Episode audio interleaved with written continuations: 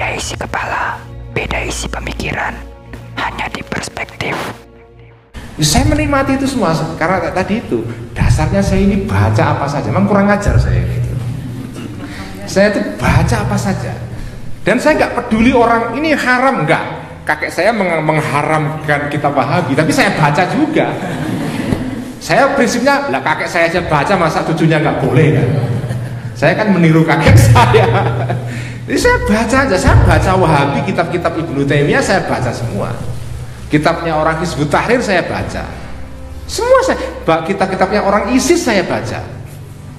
Kitab-kitabnya orang Ikhwanul Muslimin saya baca. Semua saya baca. Yang musuh-musuh orang sekarang ada namanya orang-orang ateis baru yang anti Tuhan, anti agama.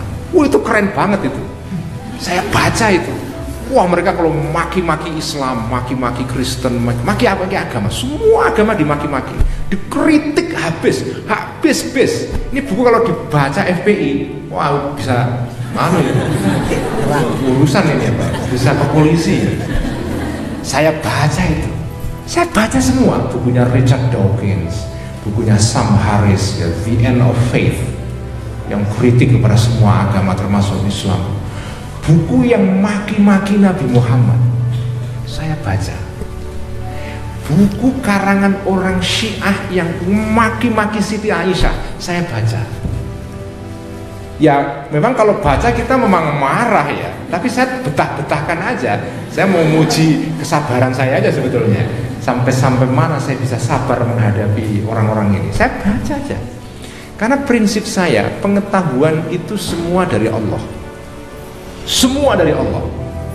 Kalau kita tujuannya benar kita baca apa pun itu akan sampai kepada Allah.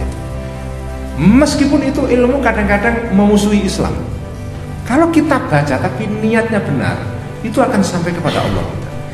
Itu yang dikatakan oleh Imam Ghazali. Imam Ghazali itu pernah mengatakan begini. Tolaktul ilma li ghairillah fa'abal ilmu illa lillah. Ini sudah saya sering katakan dalam ceramah-ceramah ihya mingguan Aku itu kata Al-Ghazali Dulu nyari ilmu itu tujuannya bukan karena Allah itu. Tapi ya karena yang lain-lain Imam Ghazali waktu muda juga sama Pengen mentereng kayak anak-anak muda sekarang gitu kan. Angga-anggaan Pengen debat menang. Ya sama lah anak muda kan Imam Ghazali pernah muda juga. Jadi saya dulu ngaji itu ya kadang-kadang niatnya nggak bener juga. Tapi karena saya baca terus, baca terus, akhirnya ilmu menyeret saya pelan-pelan menuju kepada Allah.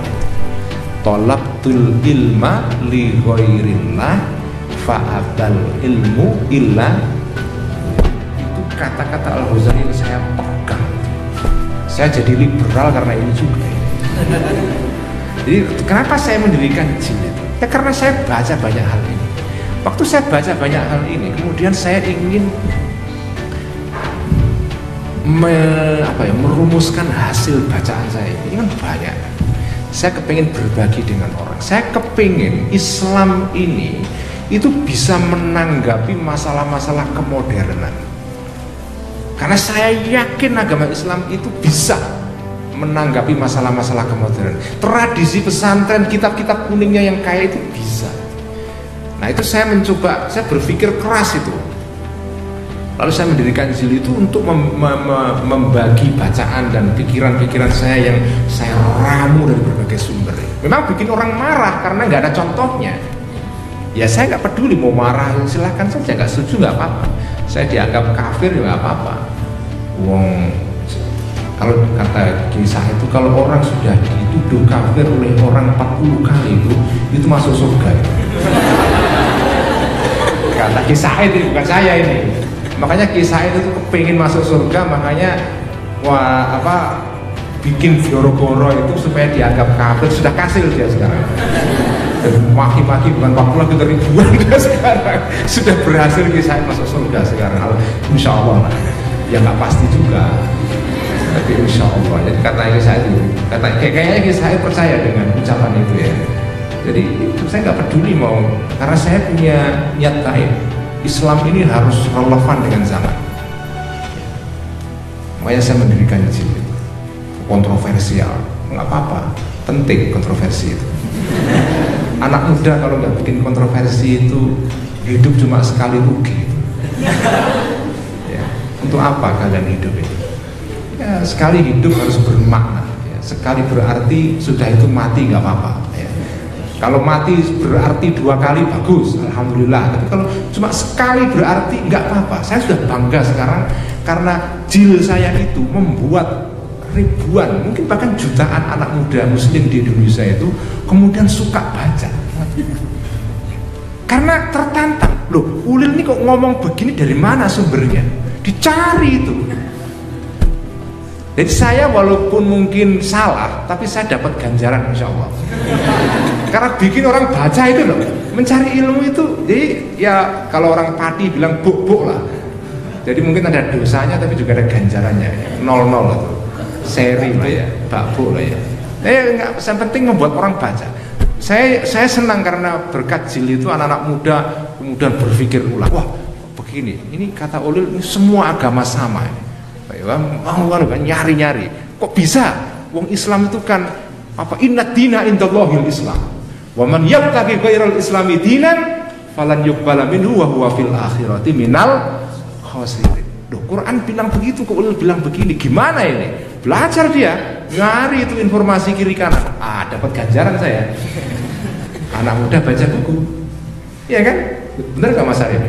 Iyalah, masa enggak cocok sama saya?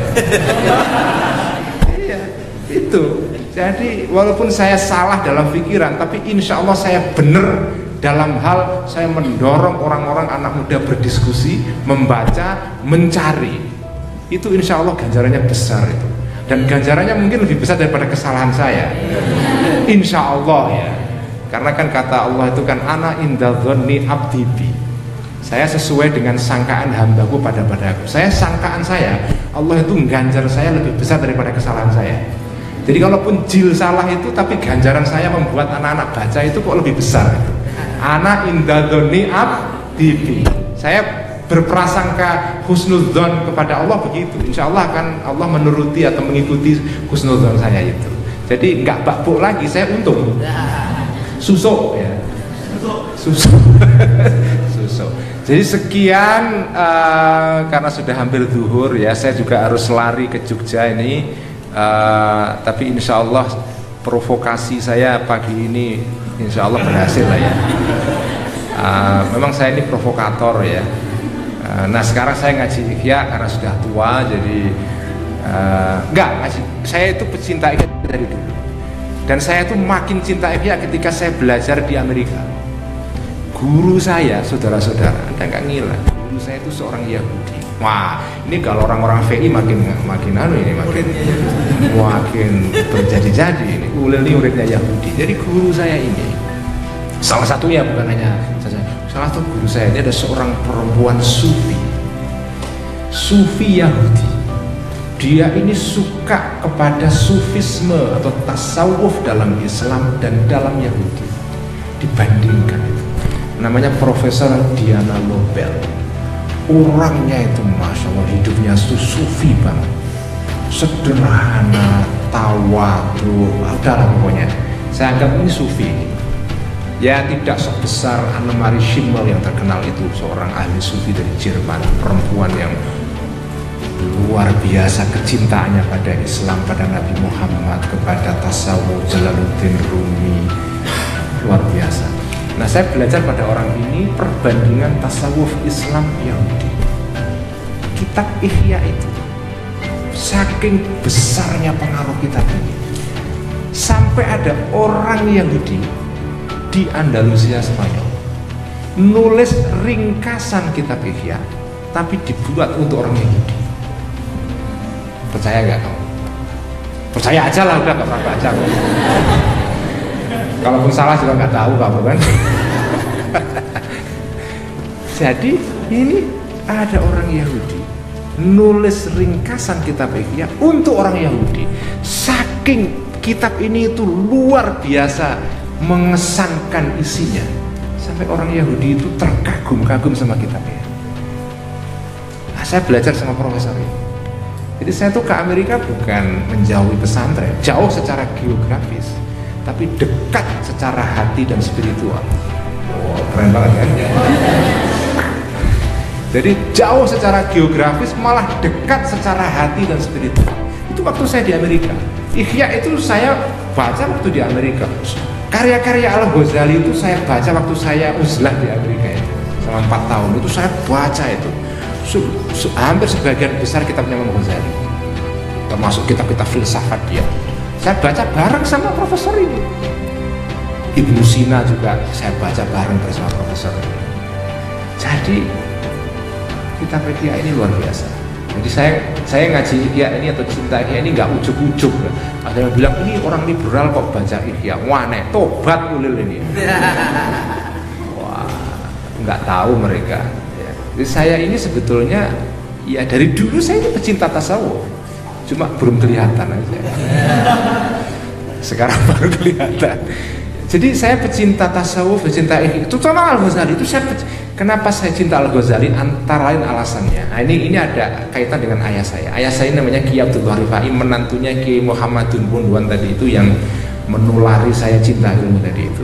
Ayah saya ini namanya Kiai Abdullah Rifai. Kiai Abdullah Rifai ini juga cinta nahwu, ketularan sama mertuanya ini Kiai Muhammadun. Dan saya ketularan ayah saya. Saya itu pecinta nahwu berat. Nahwu sol. Makanya kalau ada ngaji ikut ngaji ya saya itu saya sering bahas apa masalah nahu kalau apa ini. Karena saya ketularan ayah saya ayah saya juga ketularan Mbah Muhammadun Pondoan. Mbah Muhammadun katanya juga dari Mbah Khalil Kasingan Rembang. Itu kalau ngaji begitu ada masalah terkait dengan nahu ada kata-kata dibahas itu. Misalnya ngaji fikih pun ngaji tetap bahas nahu juga. Nah ayah saya itu pecinta nahu. Nah uh, ayah saya selain cinta nahu cinta bahasa. Nah itu saya juga ketulan dari saya. Imam Ghazali itu nulisnya itu saya katakan mungkin ulama salah satu mungkin malah bahkan satu-satunya ulama muslim yang nulis apa pun itu indah sekali bahasa Arabnya. Padahal Imam Ghazali bukan orang Arab. Imam Ghazali itu orang Persia dia berasal dari Khurasan dari kota kecil namanya kota Tus tus itu Imam Ghazali tapi bahasa Arabnya indah banget. Nulisnya itu mudah difahami. Ya tentu saja mudah bagi yang tahu ya. Nah, tapi dibanding ulama yang lain jauh lebih mudah. Itu Imam Ghazali karena itu saya suka Imam Ghazali karena bahasanya indah. Karena saya penyuka sastra sastra Indonesia saya suka sastra Inggris saya suka. Saya itu dulu pengagum. Ini saya ceritakan Mas Arif ini. Waktu saya di pondok itu saya itu pecet pengagum tiga empat penyair ya. Khairul Anwar sudah pasti. Kedua adalah Rendra. Waktu saya masih di pondok itu saking cintanya saya sama Rendra itu satu ketika ada ada ke teman kelas saya di Matoli Ulfalah punya buku kumpulan puisinya Rendra namanya Balada Orang-orang Tercinta yang tahu? Balada Orang-orang Tercinta. Karena saya tidak bisa beli buku ini karena saya miskin nggak punya uang untuk beli buku dan nggak tahu juga belinya di mana. Karena saya di kampung di Kajen kan. Buku ini saya pinjam saya salin tangan. Karena saya nggak mungkin beli buku itu saya salin pakai tulisan tangan saya baca sendiri di kamar itu. Wah ini puisi kok indah banget ya. Yang kedua adalah Gunawan Muhammad itu puisinya dari dulu sejak pesantren walaupun saya nggak paham gitu ya. Itu saya itu punya keanehan. Saya itu kalau cinta sesuatu walaupun tidak paham saya baca aja. Nggak paham padahal saya baca aja. Pokoknya saya yakin ini bagus. Walaupun tidak paham saya baca. Puisinya Guna Muhammad itu saya baca. Yang keempat adalah Sapardi Joko Damono wah itu Sapardi itu waduh sejak dulu pesantren saya baca itu jadi saya itu cinta bahasa dan dari sana saya cinta Al Ghazali karena buku-bukunya itu ditulis dengan ini jadi dengan demikian saya sudah mengcover tiga hal yang dimintakan saya pada pagi ini. Jadi kita sudah selesai, mari kita bubar. Terima kasih. Wassalamualaikum warahmatullahi wabarakatuh. Beda isi kepala, beda isi pemikiran, hanya di perspektif.